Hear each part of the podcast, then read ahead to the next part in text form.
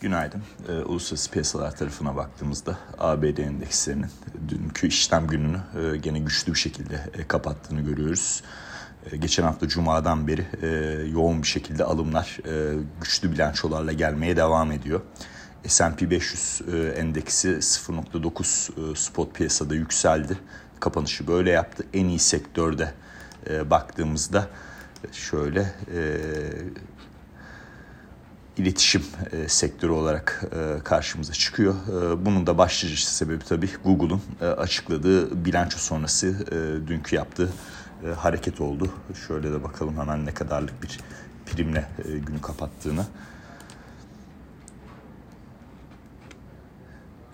%7,5'luk bir e, primle günü kapatarak e, S&P 500'e oldukça pozitif bir hava kattı. Dünkü ekonomik verilerde bu ADP verisi e, yani 300 bin istihdamda azalmayı gösterdi. Özel sektör verisi bu.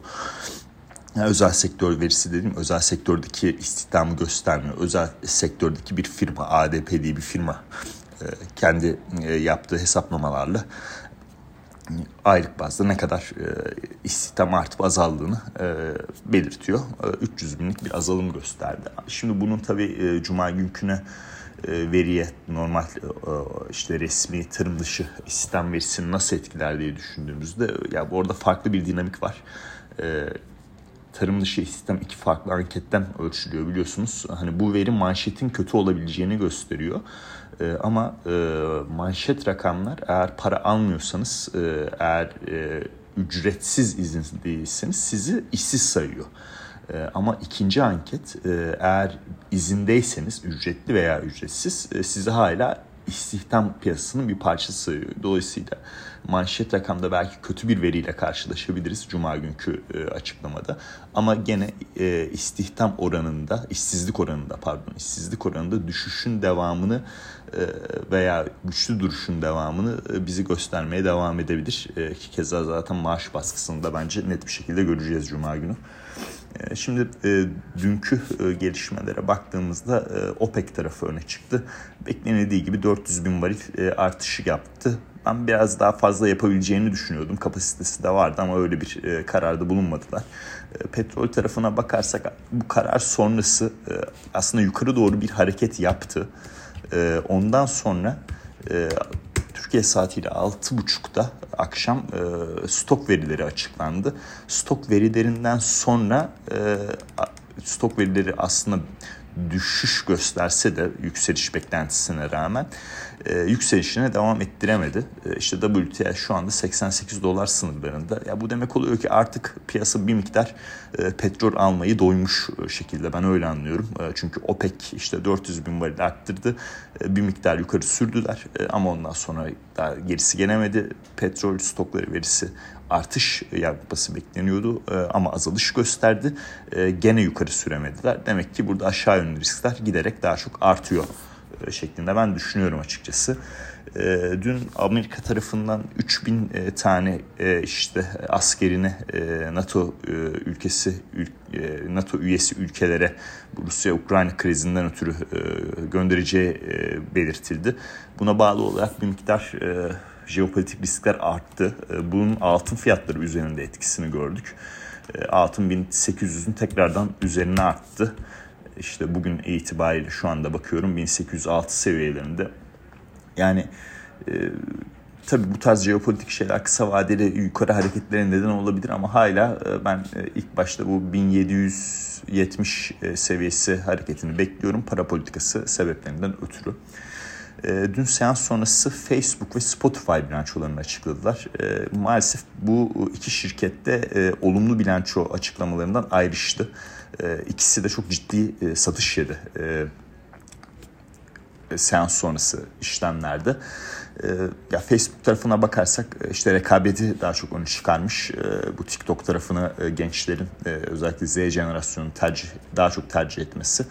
E, Spotify tarafına da geçersek e, işte bu e, üye e, yeni üye sayısında bir yavaşlama bekliyor. Bu ikisi de hem Facebook'ta hem de Spotify üzerinde negatif bir fiyatlamaya neden oldu. çok bu, dünyanın sonunu getiren bir şey değil ama Nasdaq etkiliyor Facebook özellikle Meta'dan kaynaklı olarak. Vadeli piyasalarda işte Nasdaq 100 endeksine baktığımızda %2'ye yakın aşağıda. E, gün içinde e, tekrardan toparlayacağını düşünüyorum e, ama e, bugün artı bir kapanış bu iki hissenin e, ağırlıkta olmasından ötürü bir miktar zor gibi gözüküyor. Eğer işte ekonomik veri tarafı çok farklı bir tablo karşımıza çıkarmazsa. Hızlıca bir şeyi de konuşalım. Bugün iki tane Merkez Bankası'nın bilan şey artık o kadar bak bilançoya bakmaktan bilanço diyorum. İki tane Merkez Bankası'nın faiz kararı var.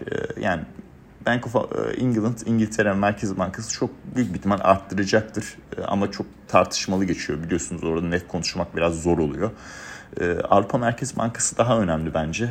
Yani piyasa şimdi şimdiye kadar çoktan iki artışı fiyatlamış durumda. Ama dünkü enflasyon verisi de Avrupa'nın çok kötü olmasına rağmen teknik olarak da bu 50 günlük direnci de koruduk. Bugün onun altındayız. Yani Avrupa Merkez Bankası'ndan çok e, sert bir e, pivot e, yani bir FED gibi bir pivot yapmasını ben şahsen beklemiyorum. Daha yumuşak geçirecektir. E, yani FED'in baktığı enflasyon e, aynı zamanda işsizlik tarafı e, tek bir ülkeden bazlı ama maalesef Avrupa Merkez Bankası'nda işsizliğe de bakamıyor. E, işsizliğe baksa belki çok daha iyi bir görünüm sunacak. Orada daha sıkılaşma yanlı olabilir.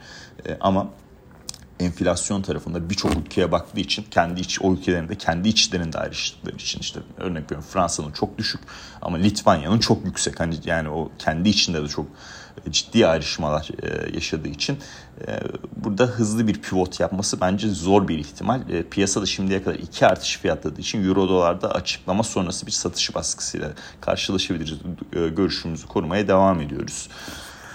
Ekonomik verilere de hızlıca bir bakarsak ABD tarafında işte hizmetler sektörü e, verisi, ISM verisi öne çıkacak fabrika siparişleri var.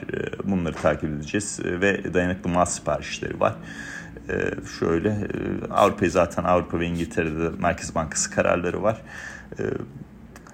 Yani son olarak bir Bitcoin'e bakarak günü sonlandıralım. 37 binde e, yani 38.500'ün üzerine çıkmıştı biliyorsunuz risk algısındaki toparlamayı. Anladığım kadarıyla e, bu Facebook'la Spotify'daki e, satış dalgası burayı da bir miktar etkiliyor. Ondan gelerek işte Nasdaq üzerinden gelen satış dalgası burayı da etkiliyor. Yani özetlemek gerekirse bugün piyasa çok böyle son 4 işlem günkü kadar alıcılı olmayabilir. Spotify ile Facebook bilançolarından ötürü e,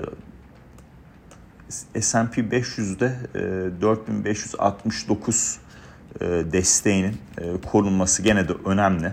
E, orada e, günlükte işte 100 e, günlük ortalaması var. E, spot e, piyasasından bahsediyorum. Bir miktar geri çekilme görebiliriz. Ama kademeli olarak gene kapanışa doğru bir alımlarla geçen bir seansta izleme ihtimalimiz yüksek. Kötü başlayacağız güne ama kademeli olarak iyileşeceğini ben açıkçası düşünüyorum. Dinlediğiniz için teşekkürler. Herkese mutlu günler, iyi seanslar dilerim.